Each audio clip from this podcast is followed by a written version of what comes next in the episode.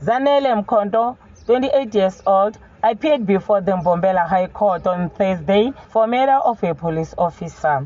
Accused pleaded guilty on premeditated murder. The case was postponed to Monday, the 27th of November 2023, for pre-sentence report at High Court. The accused remain in custody.